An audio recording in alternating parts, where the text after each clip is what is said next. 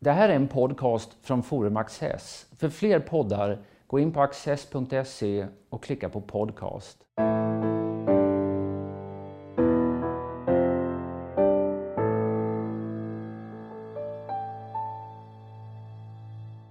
Välkomna till Studio Access.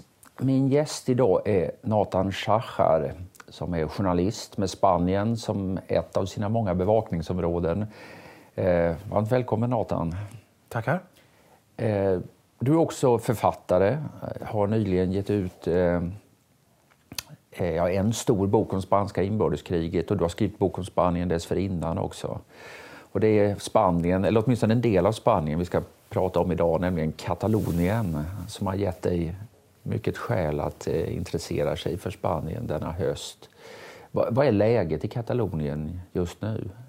Just nu mot slutet av november så kan man säga att eh, det katalans, den katalanska regeringens försök att bryta sig ur Spanien det kom av sig innan det riktigt hade börjat. Och eh, nu befinner sig ju den katalanska separatistledningen antingen i fängelse i Madrid eller utanför landet. Flera ministrar i Bryssel och försöker slingra sig undan ett utlämnande till Spanien. Så att, eh, och det är en månad kvar till de katalanska valen som den spanska regeringen har utlyst. Och eh, det blir spännande.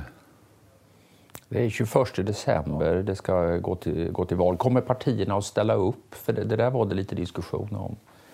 De stora separatistpartierna hade de senaste valen gått ut på en gemensam lista för att markera nationell samling. Och, eh, eh, Ehm, det här samarbetet har spruckit nu. Så att det gamla, det traditionella, gamla katalanska separatistpartiet ERC, det eh, vägrade fortsätta samarbetet med det så kallade PDCAT, ett mer borgerligt, eh, katolskt sinnat eh, parti som först på senare år har gått över till separatismen. Så nu ställer de här upp på, på var sin egen lista och PDCAT, som leds av den förre regeringschefen Puigdemont, de går framåt nu i, i opinionsundersökningarna. Konstigt nog tycker man, för det här har ju varit ändå objektivt sett ett stort misslyckande. På de andra separatisternas bekostnad eller på bekostnad av de partier som vill att eh, Katalonien ska stanna kvar i Spanien? På bekostnad av de andra separatisterna. Därför att ytterst få personer rör sig mellan de här lägren i Katalonien. Antingen så är man spansksinnad och då väljer man mellan tre partier, socialisterna, högern och det nya part liberala partiet Ciudadanos. Eller också röstar man på något av separatistpartierna. Också där finns det ett vitt spektrum av åsikter från leninistiska extremister till, till konservativa. Så den nationella frågan är inte en höger-vänster-fråga i Nej. Katalonien? Nej, det är intressant. Det, det är en intressant eh, iakttagelse. Det, eh, det finns allt möjligt eh, i fråga om höger och vänster i bägge lägren. Kan man, vad är då så att säga, den faktor som gör huruvida en katalan blir nationalist eller, eller eh, anhängare av det enhetliga Spanien? Är det, är det en rent ideologisk fråga eller går det att hitta andra variabler också? Det är framförallt ideologi och känsla. Det är, eh, eh, eh, en viktig faktor är alltid var man har vuxit upp. Det finns eh, distrikt i, kring Barcelona eh, och det finns byar i norr och i söder där man knappt kan växa upp utan att bli katalansk nationalist. Men också ah, motsatsen, då, fabriksområden i, i Storbarcelona där nästan alla kommer från antingen från södra Spanien eller från Latinamerika. Och där är det rätt sällsynt att du hittar eh, svurna katalanister. I samband med, det var en folkomröstning den 1 oktober va? Ehm, eh, som eh, bojkottades av de som vill att Katalonien ska stanna kvar i Spanien. Och det blev följaktligen en mycket stor majoritet för eh, självständighet. Och det kablades ut bilder över världen med spansk polis som gick verkligen bröstgänges tillväga mot folk som röstade i denna då illegala eh, folkomröstning det såg oerhört spänt ut där ett tag. Har, har det lugnat ner sig? Eh, märker man av den katalanska frågan om man åker till Barcelona idag till exempel? Den extrema laddningen som den dagen, den, eh, det hade ju vissa av, av de mest militanta katalanisterna hoppats att nu börjar det här och nu trappas det upp och nu blir det mer och mer våldsamt. Och vi eh, visar Spanien att det går inte med batonger och det går inte med vapenvakt och, och Europa kommer att stödja oss och, och, även om vi blir slagna blodiga så, så är det värt det för att det, det är det det kostar. Martyrskap ja. som en sorts strategi, ja. kan man säga det? Ja. Och, eh, jag tror inte att det var en, en, dålig... Eh, man kan säga att det var omoraliskt och att det var fel och att det var ett uppror. För det var det ju. Men det var ingen dålig taktik därför att jag tror att om man hade fortsatt som man gjorde då den 1 oktober under den här folkomröstningen att ställa sig i vägen för spanska kravallstyrkor och ta emot smällar. Eh, det visade sig ju, världens indignation, särskilt Europas indignation var ju stor. Och Merkel ringde den kvällen till Rajoy och sa så här kan vi inte ha det. Och eh, om det hade fortsatt så hade Spanien eh, fått det knepigt. Nu lyckades inte katalanerna upprätthålla den här andan av motstånd. Var det nerverna som svek de här separatistledarna? Det är min tolkning. Uh, istället, så fort de hade proklamerat självständighet för andra gången, det var väl den 27 oktober, så gick de antingen i exil eller så gick och satte sig snällt i ett spanskt fängelse. Och det uppfattades som ett stort svek av många av deras anhängare som i flera år hade tränat sig att, att ställa sig i vägen för, för spanska poliser och omringa eh, kaserner med civilgardister och spärra av vägar och, och störa Spaniens export till Frankrike och alla möjliga så kallade icke-våldsaktiviteter. Så att det här var i, hög grad ett västgötaklimax det bidde ingenting av, av folkligt motstånd fast det fanns flera hundratusen katalaner som var redo till folkligt motstånd. Så det här blev något väldigt ömtåligt att reda ut sen vad det var som hände och vem som hade skulden. Och det fanns inte nya ledare som kunde träda fram när de gamla ledarna sviktade? Ännu inte någon. Och det här är också då en invecklad psykologisk fråga för att om de katalanska separatistväljarna nu sliter sina ledare i stycken och anklagar dem för allt möjligt då har man liksom solkat ner den egna saken inför resten av Spanien och resten av världen. Så att nu håller man ihop, i alla fall fram till det här valet om en månad.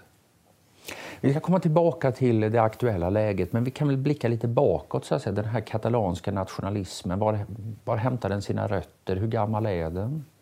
Alltså den, den, den katalanska nationen är objektivt sett mycket gammal. Den är så gammal som, ja, som, som Island eller de allra första portugisiska. Ja, den, är, den är mycket gammal. Det finns knappt något äldre i Europa. Om man med nation menar då ett språk och ett sätt att styra sig själva och eh, en litterär tradition.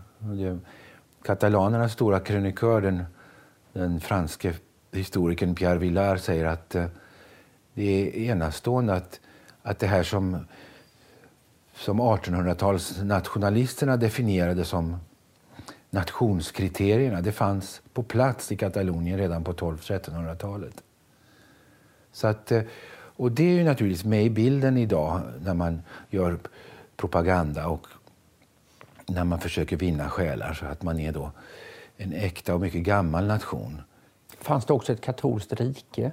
Ett katalanskt rike? Förlåt, ett katalanskt rike. Ja. ja, det fanns det i olika tappningar. Och, eh, många gånger så fanns det ju eh, Katalonien i form av ett kungarike som hette Aragonien.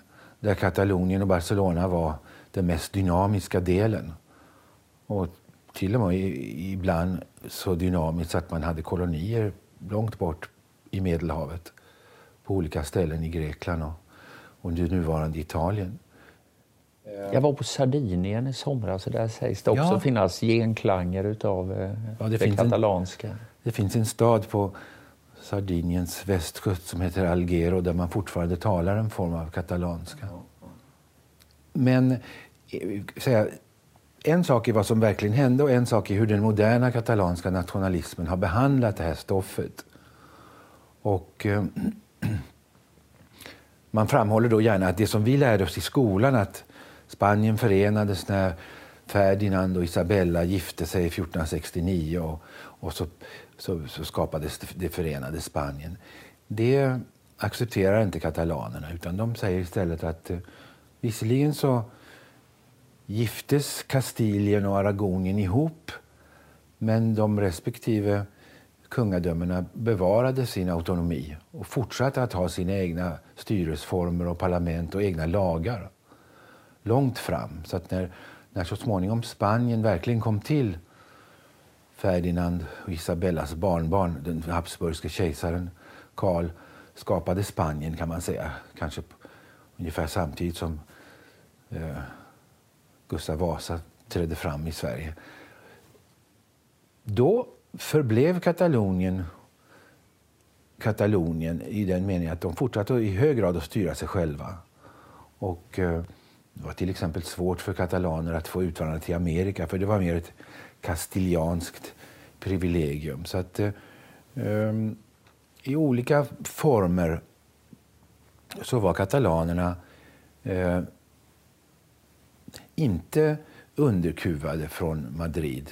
Utan de, de, de, de, de hade kvar sina fueros, alltså sina privilegier. Och eh, den stora traumatiska eh, händelsen för katalanernas del det, det, var ju då när den habsburgska dynastin eh, tog ett tvärt slut i Spanien och det bröt ut ett stort europeiskt krig om tronföljden då mellan habsburgarna i Wien och mellan de franska bourbonerna som ville lägga vantarna på tronen. Bägge hade då kunde göra skäl för sina anspråk, för bägge var släkt med den här siste sjuke kung, Don Carlos. Men eh, för att göra en lång historia kort, i detta långa och krångliga europeiska krig så förlorade habsburgarna, som katalanerna hade satsat allt på. Så att när bourbonerna, som ju fortfarande är Spaniens kungahus, när de gick in i, Barcelona 1714 så blev det hårda bud och eh, de här, den här självständigheten som de hade åtnjutit den reducerades och eh, nästan avskaffades på alla punkter. Så att den 11 september 1714, dagen för nederlaget, är än idag Kataloniens nationaldag då man har de här väldiga demonstrationerna i Barcelona. Så att nationaldagen är en, en sorgens dag. Det är ju inte okänt det här att, att nederlag och katastrofer kan vara minst lika bra bränsle för nationalism som framgångar och triumfer. Det finns ju ett antal olika folk i Europa som verkligen har odlat den här eh, ja, resentimentet och hämndbegäret och sånt där. Har det här legat och puttrat sen under, eh, under ytan under 1700 och 1800-tal? Fanns det nationaliströrelser då, då också? Det där är en debatt bland historiker. Vissa säger att det låg inte och puttrade utan det där är en uppfinning som i vår tid att man har velat så att säga, som moderna historiker och moderna nationalister alltid vill uppfinna den långa linjen. Liksom. Ja. Eh, men eh, man kan säga att eh, när den katalanska nationalismen lite, i lite mer modern form på 1870 och 80-talet satte igång så var den inte Eh, ska vi säga, eh, gnällig och självömkande utan den var optimistisk och man, ville, eh, man, man hade självförtroende för Kataloniens industrier började gå bra. Och, och man, när man vände sig till Spanien med önskemål så var det inte alls att man ville slita sig loss från Spanien utan man ville bli lite mer erkänd och få, få lov att syssla mer öppet med sitt språk och sin kultur. Och eh, Madrids reaktion var i början inte alls häftig utan eh, det gick eh, gradvis Eh, jag tror inte att det var förrän kanske på 1910-talet som någon överhuvudtaget nämnde detta med att separera från Spanien. Och det, i, I någon mån hade det att göra med de spanska kolonialkrigen i, i Afrika som blev väldigt dyra. Dyra i pengar och dyra i form av tvångsvärvade soldater. Och 1909 kom ett stort uppror i Barcelona som finns beskrivet i, i många böcker och filmer när, när arbetarna där sa nu har vi, nu har vi tröttnat på höga skatter och, och, och tvångsvärvningar. För de som åker till Marocko för att slåss kommer inte tillbaka. Och sen pendlar det lite under 20 och 30-talen. Man får en, en viss självstyre och sen blir man av med det och det, ja, det rör sig fram och tillbaka. Och sen är vi framme igen av, eh, i, i inbördeskrigets tid som du har, har skildrat. Och, eh, med all respekt för din bok så är väl en av de mest kända böckerna om Katalonien är George Orwells den här En, en, en hyllning till Katalonien. Eh, om berättelsen om eh, hur han eh, tar värvning på eh, den republikanska sidan. Ehm, finns det, eh, och här blev det ju då en, en väldigt eh, ja, en fruktansvärd konflikt mellan ja, republikanerna symboliserar ofta just Katalonien och frankisterna. Så att säga. Hur mycket lever det där kvar idag och präglar stämningarna? Alltså, de här moderna talesmännen de är mycket försiktiga med att dra de här parallellerna. Jag, jag tycker ibland, varför pratar de inte mer om allt de fick stå ut med från Franco och diktaturen och, och förbudet mot, mot språket och arkebuseringarna av, av, katalaner ibland bara för att de talade katalanska. Um, men de vill av olika skäl inte göra någon, någon, någon stor affär av, av det här. Eh, 70 80-talet när jag började resa i Spanien så var det inte alls så. Utan då, då var man stolt över, över den republikanska tiden, alltså de här åren mellan 1931 när republiken kom till och eh, inbördeskrigets utbrott sommaren 36. Och man hämtade mycket inspiration därifrån. Bland annat det här som vi nämnde, stora separatistpartiet ERC. De fanns redan då och de 1934 utropade en, en eh, katalansk republik. Det är deras berömde ledare och martyr Luis Companys som sen arkebuserades av Franco utropade, och det gick ungefär, det, det gick, eh, ska vi säga, eh, han utropade ett fritt Katalonien och så kom spanska poliser och soldater och slog ner upproret och satte de här personerna i fängelse 1934. Men att man idag inte refererar till den tiden, kan det ha att göra med det vi pratade om tidigare? Att nationalismen idag är ett, eh, ett projekt som spänner från vänster till höger? Därför att det är klart att de här anarkisterna som eh, Orwell slogs med, det var ju inte bara dygdemönster det heller. De gick ju väldigt hårt åt eh, en borgerlighet som fanns i den tidens Barcelona och Katalonien.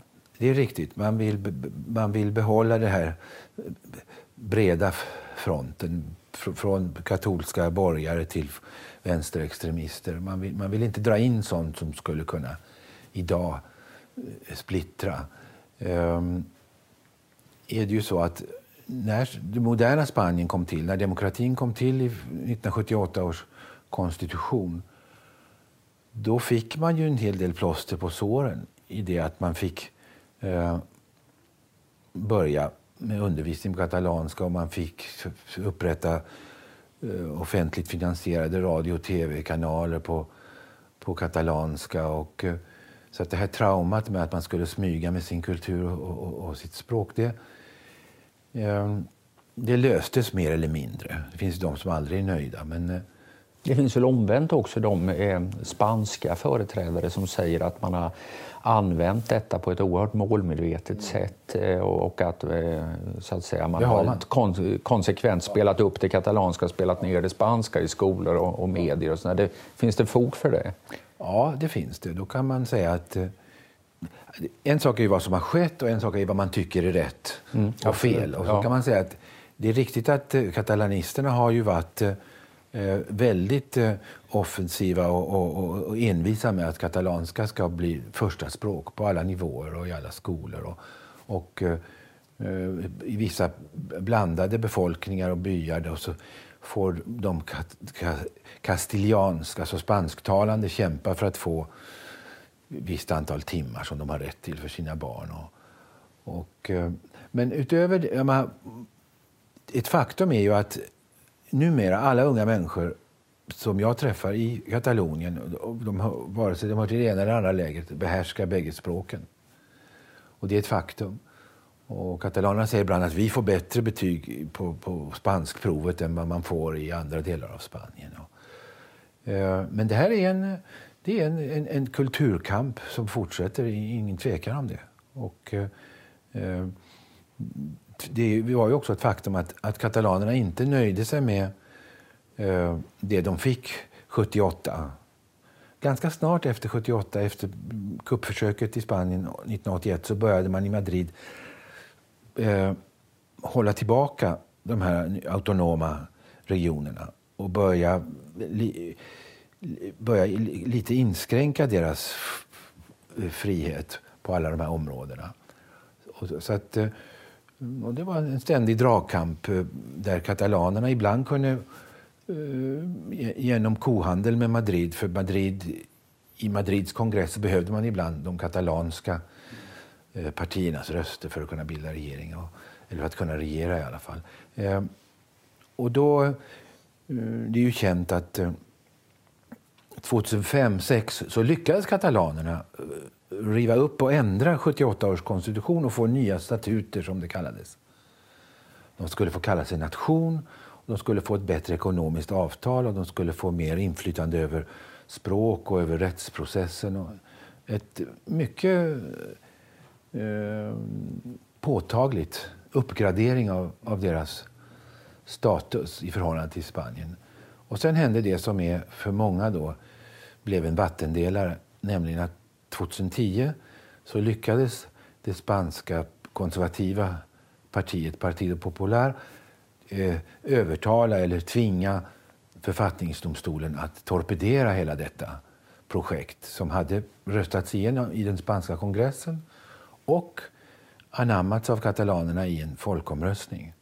Och det, det eh, vållade stor indignation i Katalonien. 2010 när detta skedde så fanns det 14 separatister i det katalanska parlamentet och idag finns det 72. Så att, ja, men det... 135 tror jag. Så att många människor blev separatister under de här åren, mellan 2010 och 2015. 2015 när de katalanska ledarna öppet gick ut och sa att vi vill bryta. En svensk industriledare blev känd häromveckan när han undrade vad fan får vi för pengarna? Eh, är det någon stämning som gäller även i Katalonien som är lite mer välbärgat än övriga Spanien? Det är en, en del av det hela, av ekvationen. De flesta eh, de politiska ledarna tar ofta upp det här. Att vi är si så många procent, men vi betalar mycket mer i skatt till för, för, det är faktiskt så att den spanska centralstaten den är ett projekt där man tar pengar från de rika och ger till de fattiga. Och de rika är Katalonien, Valencia, Balearerna, Madrid ungefär, Kanarieöarna. Och de, och de andra är då eh, i sammanhanget eh, socialhjälpstagare. Alltså, regioner som inte skulle klara sig utan stora injektioner pengar. Framförallt då de södra fattiga provinserna och även Galicien som måste ha de här pengarna. Så att det är inte bara nationalism när Madrid försvarar sig och, och, och slår ner det här katalanska försöket. För Madrid, Spanien som det ser ut och är komponerat idag eh, skulle inte gå att upprätthålla utan de här... Det är så stora pengaströmmar. Ja, ja. det är det. Och det är också därför som Madrid har kunnat vara generöst mot de eh, små regionerna Navarra och, och Baskien i norr som verkligen får ha sina egna och behålla sina egna skattepengar. Driva in och fördela sina egna skattepengar. För de är, det, det är så försumbart. Okay. Mm. Vad har den katalanska nationalismen nu och dess liksom, att den har fått som fart de senaste åren, vad har det gjort med den spanska nationalismen? Det har fått liv i den spanska nationalismen på ett sätt som... Eh, spansk nationalism har ju haft dåligt rykte inte bara utomlands utan också i, Spanien. Det har ju inte riktigt funnits de här högerpopulistiska partierna man ser i andra europeiska länder. Det har ju inte riktigt fått någon motsvarighet i Spanien hittills. Det är, det är riktigt. Men, men det här Partido Popular som är eh, ett, ett stort och brett parti, det rymmer allt från rimliga, vettiga, ganska liberala borgare till eh, då, eh, som nu börjar visa sig ganska extrema spansk-nationalistiska eh, krafter som inte har kunnat göra sig gällande så att säga, under egen flagg men som nu till exempel när man har demonstrerat och, i Barcelona och i Spanien mot katalanismen så har de visat fram bockfoten igen efter och med ganska brutala och extrema slogans. Det finns ju...